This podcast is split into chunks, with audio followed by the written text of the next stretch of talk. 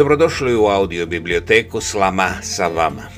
Danas u 31. nastavku čitamo Andijevu Gandijevu autobiografiju Moji eksperimenti sa istinom od 141.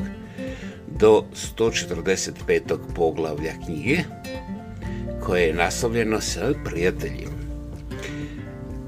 Brađki Šorbabu i Rađendrababu su bili neuporediv par.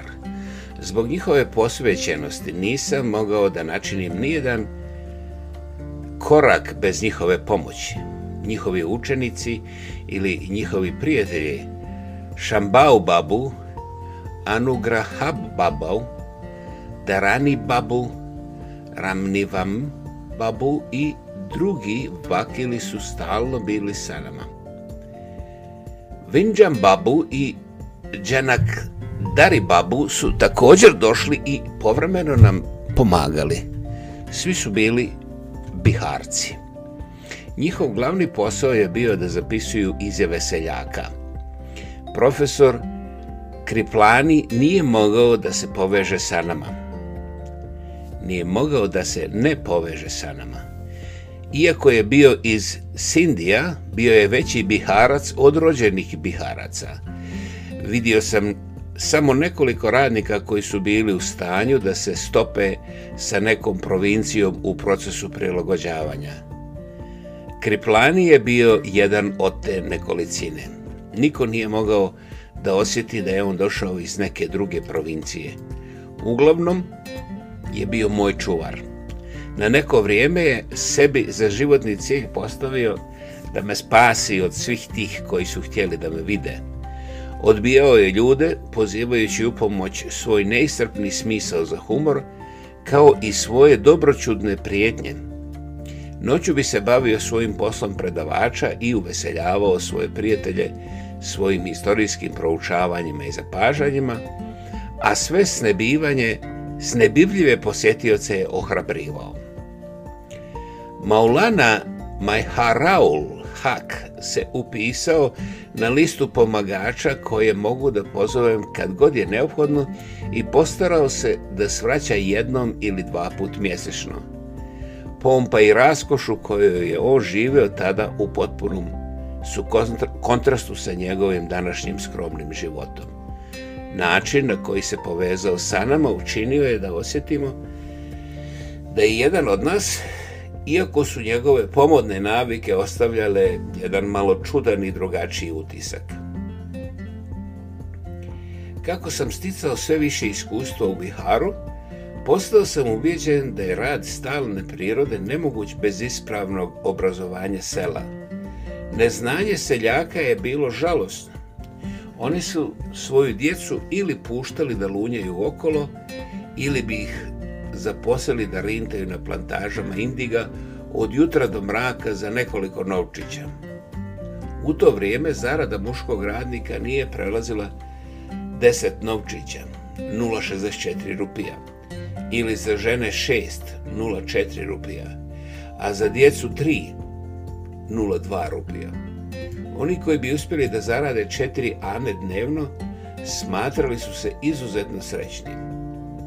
Uz dogovor sa mojim drugovima odlučio sam da otvorimo osnovne škole u šest sela. Jedan od naših uslova seljanima bio je da učiteljima obezbijede stan i hranu, dok ćemo se za druge troškove pobrnuti mi. Seljani nisu imali gotovo nikakve gotovine, ali su lako mogli da obezvijede hranu. Zaista, oni su već izjavili da su spremni obezbijediti žito i drugu sirovu hranu. Drugi je problem bio gdje naći učitelje. Bilo je teško naći, naći učitelja iz tog kraja koji bi radili samo za stan i hranu ili bez naknade. Smatrao sam da djecu nikako ne treba povjeravati običnim učiteljima. Nije toliko bitna njihova formalna kvalifikacija koliko njihova moralna građa. I tako sam objavio javni poziv za učitelje volontere. Naišao je na spreman odziv. Uvaženi Gangadgarao, doslovce tako, Gangadarao Dešpande, poslao je Baba Šeba Somana i Pundalika. Šrimati Kabai Gokale je došao iz Bombaja, a gospođica Anandibai Vajšampjan iz Pune. Poslao sam u Ašram po Čotalala, Surendranata i moga sina Devdasa. Otprilike u to vrijeme Mahadev Desai Narahari Parik sa svojim suprugama udružili su se sa mnom i Kasturbaji je pozvana na posao. To je bilo prilično jaka ekipa. Šrimati Avantikabaji i Šrimati anandabai su bile dovoljno obrazovane, ali su Šrimati Druga Desai i Šrimati Maniben Parik znale jedino Guđarati, a Kasturbaji ni to. Kako da te gospođe podučavaju djecu na Hindiju? Objasnio sam im da se od njih ne očekuje toliko da poučavaju djecu gramatici, čitanju, pisanju i računanju, koliko čistoći i lijepom ponašanju. Dalje sam im objasnio da čak ni u pogledu slova nije toliko velika razlika između Guđaratija, Hindija i Maratija, kao što su one mislile, pa da bar u početnim razrednima učenje osnova alfabeta i brojeva nije teško. I zato su časovi koje su držale te tri gospođe bili krajnje uspješni. To iskustvo im je ulilo pouzdanje i interesovanje za svoj posao. Škola Avanti Kabai je postala škola za uzor. Ona se od sveg srca bacila na posao. U njega je unijela svoju izuzetnu darovitost, Pomoću te tri žene smo u određenoj mjeri mogli da dopremo do seoskih žena. Ali nisam želio da se zaustavio na obezbeđivanju osnovnog obrazovanja.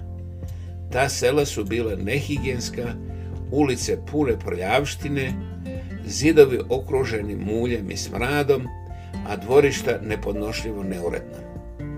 Starijima je bila neophodna pouka u održavanju čistoće, svi su patili od raznih kožnih bolesti. Zato je bilo odlučeno da obavimo onoliko sanitarnog rada koliko je moguće i da prodremo u svaki segment njihovog života. Za taj posao su bili potrebni ljekari. Zamolio sam društvu slugu Indije da nam stave na raspoloženje pokojnog doktora Deva. Mi smo bili veliki prijatelji, a on nam je rado ponudio svoje služenje na šest mjeseci. Svi učitelji, muškarci i žene trebalo je da rade pod njegovim nadzorom. Svi su oni dobili različita upustva da se ne bave žalbama protiv plantažera ili politikom. Ljude koji su imali bilo kakve žalbe trebalo je uputiti meni. Nikako, niko nije trebalo da prelazi granice svog zadušenja. Prijatelji su ta upustva izvršavali sa nevjerovatnom odanošću ne sjećam se nijednog slučaja nediscipline. Poglavlje 142. Prodor u sela.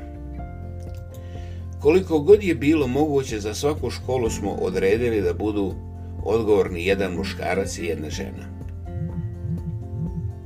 Ti volonteri trebalo je da se postaraju za medicinsku pomoć i higijenu. Ženskoj populaciji trebalo prići preko žena. Medicinska pomoć je bila vrlo jednostavna. Ricinusovo ulje, kinin i sumporna mas su bili jedini lijekovi koje su volonteri dobili. Ukoliko bi pacijent imao naslage na jeziku ili se žalio na zatvor, primjenjivano je ricinusovo ulje. U slučaju groznice davan je kinin nakon početne doze ricinusovog ulja a sumporna masti je primjenjivana u slučajevima čireva i svraba nakon što bi oboljeli dijelovi bili dobro oprani. Nijednom pacijentu se nije dopuštalo da nosi kući nijedan lijek.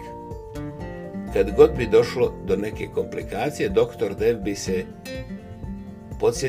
doktor bi posjetio svaki od tih centara u određenim danima u nedjelju. Poprično ljudi se poslužilo tim jednostavnim tretmanima. Takav plan rada neće izgledati čudno ako imamo na umu da je u tim krajevima preovladavalo samo nekoliko tegoba, a one su se mogle ublažiti jednostavnim tretmanom i nisu zahtijevale pomoć stručnjaka. Ispostavilo se da je narodu takav pristup savršeno odgovarao. Higijena je bila težak posao, ljudi nisu bili spremni da učine ništa za sebe. Čak i poljski radnici nisu bili spremni da očiste za sobom. Ali dr. Dev nije bio čovjek koji se lako obeshrabruje. Zajedno sa volonterima koncentrisao je energiju da učini određeno selo idealno čistim. Oni bi počistili puteve i dvorišta, očistili bonare, popunili obližnje rupe, i sa ljubavlju nagovarali seljake da nađu volontere među sobom. U nekim selima bi posramili seljake tako što su se sami poduhvatili posla, a u drugima su seljaci bili tako puni entuzijazma da su čak srećivali puteve kako bi moj automobil mogao da ide od mjesta do mjesta. Ali, uz ta slatka iskustva išla su i gorka iskustva ljudske apatije. Sjećam se da su neki seljaci iskreno rekli da im se taj posao ne sviđa.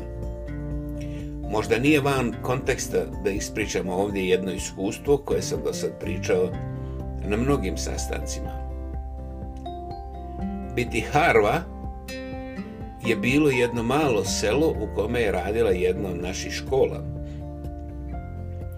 Podsjetio sam jedno obližnje manje selo i tamo video da su neke od žena obučene u veoma prljavu odjeću. Rekao sam mojoj ženi da ih upita zašto ne operu svoju odjeću. Razgovarala je sa njima.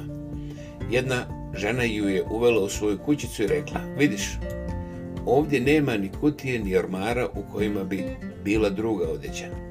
Sari koji nosim je jedini koji imam. Kako da ga operem? Reci Mahatmađiju da mi nabavi drugi sari pa obećavam da ću se, si onda, da ću se onda kupati i oblačiti čisto odijelo svakog dana. Ta kućica nije bila izuzetak, već su se takve mogle naći u mnogim indijskim selima. U bezbrojnim kućicama u Indiji ljudi žive bez ikakvog namještaja i ne mijenjajući odjeću samo sa nekom krpom da pokriju svoju golotinju. Pomenut ću još jedno iskustvo. U Čamparanu ima dosta bambusa i trave. Zgrada škole koju smo uspostavili u biti Harvi, bila je načinjena od tih materijala. Neko, moguće neko od okolnih plantažera, jedne noći ju je zapalio. Mislili smo da nije preporušivo da gradimo drugu kolibu od bambusa i trave. Za ovu školu bili su nadležni uvaženi Soman i Kasturbajin. Soman je odlučio da sagradi pravu kuću i zahvaljujući njegovom trudu koji je djelovao zarazno, mnogi su mu pomogli pa je kuća od cigli uskoro bila spremna. Sada se nije trebalo bojati da će ova zgrada biti spaljena. I tako su ti volonteri sa svojim školama, higijenskim radom i medicinskom pomoću stekli povjerenje i poštovanje seoskog življa pa su mogli da izvrše Povoljen utjecaj na njega. Ali moram sa žaljenjem, šalje, e, oprostite, ali moram da sa žaljenjem priznam da se moja nada da ću taj stvaralački posao zasnovati na trajnoj osnovi nije ispunila. Volonteri su došli da rade privremeno, nisam više mogao da ih obezbedim s polja, a stalnih saradnika iz Bihara koji bi radili za neki honorar nije bilo. Čim se moj posao u Čamparanu završio, jedan drugi posao koji se umeđu vremenu spremao, odveo me odatle. Ali tih nekoliko mjeseci rada u Čamparanu pustili su tako dubok korijen da se njihov utjecaj u ovom ili onom obliku može zapaziti i dan danas. Poglavlje 143. Kad je guverner dobar. Dok se sa jedne strane odvijao rad na služenju društvu koje sam opisao u prethodnim poglavljima, sa druge strane je uporedo sa tim napredao rad na, bjele, na beleženju izjava i žalbi seljaka. Zapisane su na hiljade takvih izjava i nije bilo moguće da ne daju nikakav efekt. Sve veći broj seljaka koji su dolazili da daju izjave uvećavao je i bez, bijes plantažera, pa su oni prevrnuli sve živo da se suprostave mojoj istrazi. Jednog dana dobio sam pismo od Biharske vlade sljedeće sadržaje. Vaša istraga se već dovoljno otegla, zar ne bi trebalo da je okončate i napustite Bihar? Pismo je bilo pisano uvijenim ljubaznim jezikom, ali je njegovo značenje bilo očigledno. U odgovor sam napisao da je istraga morala da se otekne i sve dok ne dovede do toga da se olakša ljudima, nemam namjeru da idem iz Bihara. Ukazao sam da vlada može da okonča moju istragu tako što će uvažiti žalbe seljaka kao opravdane i obeštetiti ih, ili tako što će priznati da su seljaci pružili materijal za pravi slučaj koji zahtjeva zvaničnu istragu koju bi trebalo smjesta mjesta sprovesti. Sir Edward Gate, guverner, zatražio je da ga posjetim izrazivši, izrazivši svoju spremnost da, potre, da pokrene istragu i pozvao me da budem član istražnog komiteta. Saznao sam imena ostalih članova i nakon dogovora sa mojim saradnicima saglasio se da služim u tom komitetu pod uslovom da sam slobodan da se dogovaram sa mojim saradnicima dok istraga teče i da se vlada složi da time što sam postao član komiteta nisam prestao da budem advokat seljaka, kao i da sam u slučaju da me istraga ne zadovolji slobodan da vodim i savjetujem seljake o tome u kom pravcu treba da djeluju. Sir Edward Gate je prihvatio taj uslov kao ispravan i pravedan i najavio istragu. Pokojni Sir Frank Sly Imenovan je za predsjednika komiteta. Nalazi komiteta bili su u korist seljaka i komitet je predložio da plantažeri nadoknade onaj dio nameta za koji je komitet utvrdio da je nezakonit, kao i da zakonski treba da se ukine Tinkathia sistem. Sir Edward Gate odigrao je veliku ulogu u tome da navede komitet da jednoglasno podnese izvještaj i da se agrarni zakon donese u skladu sa preporukama komiteta. Da on nije zauzeo čvrst stav i da nije upotrijebio svoj utjecaj da utiče na taj predmet, izvještaj ne bi bio jednoglasan, a agrarni zakon ne bi bio izglasan. Plantažeri su bili izuzetno moćni. Uprkos izvještaju pružili su ogorčen otpor tom zakonu, ali je Sir Edwin Gate ostao čuros do kraja i u potpunosti sproveo preporuke komiteta. Sistem Tinkatije 3.20 koji je vladao gotovo čitav vijek bio je tako ukinut, a sa njime i vladavina plantažera, plantažera okončana. Seljaci koji su sve vrijeme bili ognjeteni sad su donekle došli na svoje, a predrasuda da se mrlja od indiga nikad ne može oprati bila je uklonjena. Želio sam da taj konstruktivni posao nastavim još nekoliko godina, da osnujem još više škola i da efikasnije prodrem u selu. Tlo zato je bilo pripremljeno, ali nije se svidjelo Bogu, kao i često ranije, da dopusti da se moji planovi ostvare. Sudbina je odlučila drugčije i odvela me da se poduhvatim posla na nekom drugom mjestu. Poglavlje 144. U dodiru sa radom. Dok sam razvijao svoj posao sa komitetom, primio sam pismo od poštovanih Mohanlala Pandije i Shankarlala Parika, koji su mi ispričali da je žetva u distriktu Keda podbacila i zamolili me da posavjetujem seljake koji nisu bili u stanju da plate porez. Nisam bio sklon, niti sam imao hrabrosti, niti sam bio u stanju da pružim bilo kakav savjet bez istraživanja na licu mjesta. U isto vrijeme stiglo mi je pismo od Šrimati Anasuja Baji o situaciji sa radnicima u Ahmedabadu. Plate su bile male, radnice su već dugo agitovali za povišicu, pa sam poželio da ih usmjerim ako mogu. Međutim, nisam se pouzdao da mogu čak i tako sitnim poslom da upravljam sa tako velike razdaljine. Zato sam iskoristio priliku da odem u Ahmedabadu. Nadao sam se da ću obje te stvari moći da završim brzo i vratim se u Čamparan da nadgledam rad na izgradnji novog sistema koji sam tamo započeo. Ali stvari nisu išle onako brzo kako sam želio, pa nisam mogao da se vratim u Čamparan, a zbog toga su se sve škole pozatvarale jedna po jedna. Moji saradnici i ja smo bili napravili mnoge kule u vazduhu ali su one sve nestale za sad. Jedna od njih je bila zaštita krava u Čamparanu pored seoske higijene i obrazovanja.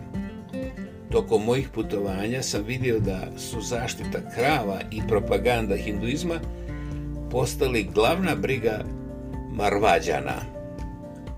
A Marvađani su etnička grupa u Indiji naseljena u državi Rađastan. Jedan prijatelj Marvađanin me je primio u svoju darmašalu dok sam bio u Betiji. Drugi Marvađani istog mjesta su me zainteresovali za njihovu mlekaru. Moje ideje o zaštiti krava su se tada konačno uobličile, a moja od tog posla je bila ista kao što je i danas. Zaštita krava, po mom mišljenju, uključuje gajenje teladi, poboljšanje stočnog fonda, ljudsko postupanje prema bikovima, formiranje uzornih mljekara dalje. Prijatelji Marvađani su mi obećali da će u potpunosti sarađivati na tom poslu, međutim kako nisam mogao da se skrasim u Čamparanu, taj plan nije mogao da se izvede. Mljekara u Betiji i danas postoji, mada nije postala uzorna mljekara, Čamparanski bikovi i dalje rade preko svojih snaga, a takozvani hindusi surovo iskorištavaju jedne krave i sramote svoju djecu. Stalno sam žalio što tog posla ne mogu da se poduhvatim, pa kad god odem u Čamparan i čujem blage grdnje Marbađana i biharskih prijatelja, sa dubokim uzdahom se sjetim svih tih planova koje sam morao tako naglo napustiti. Obrazovni posao se na ovaj ili na onaj način odvijao na mnogim mjestima. Međutim, rad na zaštiti krava se nije čvrsto ukorijenio, pa zato nije ni napredovao u pravcu u kome je to namjeravano. Dok se još uvijek raspravljalo o pitanju seljaka iz Kede, već sam se poduhvatio pitanja fabričkih radnika iz Ahmedabada. Bio sam u veoma delikatnoj situaciji. Slučaj fabričkih radnika je bio jak. Šrimati Anasujabaji je morala da se bori protiv sobstvenog brata, uvaženog Ambalala Sarabajija, koji je vodio bitku za račun vlasnika fabrika. Moji odnosi sa njem su bili prijateljski, pa je to učinilo borbu protiv njih još težom. Održao sam sastanak sa njima i zatražio od njih da upute svoj spor na arbitražu. Zato sam morao da posavjetujem radnike da stupe u štrajk. Prije nego što sam to učinio, dobro sam se upoznao sa njima i njihovim vođama i objasnio im uslove da štrajk bude uspješan. Broj 1. Da nikad ne prebjegavaju nasilju. Broj 2. Da nikad ne maltretiraju štrajk brehere. Broj 3 da se nikad ne osanjaju na milostinju i broj četiri, da ostanu čvrsti makoliko da se štrajk oduži i da tokom štrajka zarađuju za hljeb bilo kojim drugim poštenim radom. Vođe štrajka su razumili i prihvatili te uslove, a radnici su se na opštem sastanku zarekli da se neće vraćati na rad dok njihovi uslovi ne budu prihvaćeni ili dok se vlasnici fabrika ne saglase da upute spor na arbitražu. Tokom tog štrajka sam pobliže upoznao uvažene Valabaija patella i Shankarlala Bankera. Šrimati Anasujabaji sam dobro poznavao od ranije. Imali smo svakodnevne sastanke sa štrajkačima u sjenci drveća na, obale na obalama rijeke Sabarmati. Dolazili su na sastanke na hiljade njih a ja sam ih u svojim govorima podsjećao na njihove zavjete i na dužnost da održe mir i samopoštovanja. Oni su svakodnevno prolazili ulicama grada u mirnoj povorci noseći zastavu sa natpisom Ektek, održi zavjet. Štrajk je trajao 21 dan. Dok je trajao, s vremena na vrijeme sam se konsultovao sa vlasnicima fabrika i preklinjao ih da budu pravedni prema radnicima. I mi imamo svoj zavet, govorili bi oni. Naši odnosi sa radnicima su kao i odnosi roditelja i djece. Kako da trpimo miješanje treće strane? Šta će tu arbitraža? Poglavlje 145. Osvrt na ašram. Prije nego što nastavi da pišemo u napredku radničkog spora, suštinski je važno da se osvrnem na ašram. Sve vrijeme dok sam bio u Čamparanu, ašram mi nikako nije izlazio iz glave, a povremeno bih ga nakratko obišao. U to vrijeme je ašram bio u Korabu, seocetu blizu Ahmedabada. U tom selu je izbila kuga, pa sam uvidio da postoji očigledna opasnost po ašramsku djecu nije bilo moguće da sebe izolujemo od posljedice mhm. nehigijenske okoline, makoliko da smo se obazrivo držali pravila higijene unutar samog ašrama. Tada nismo bili dorasli ni da navedenu stanovnike koraba da se drže tih pravila, niti da na drugi način služimo seljenima.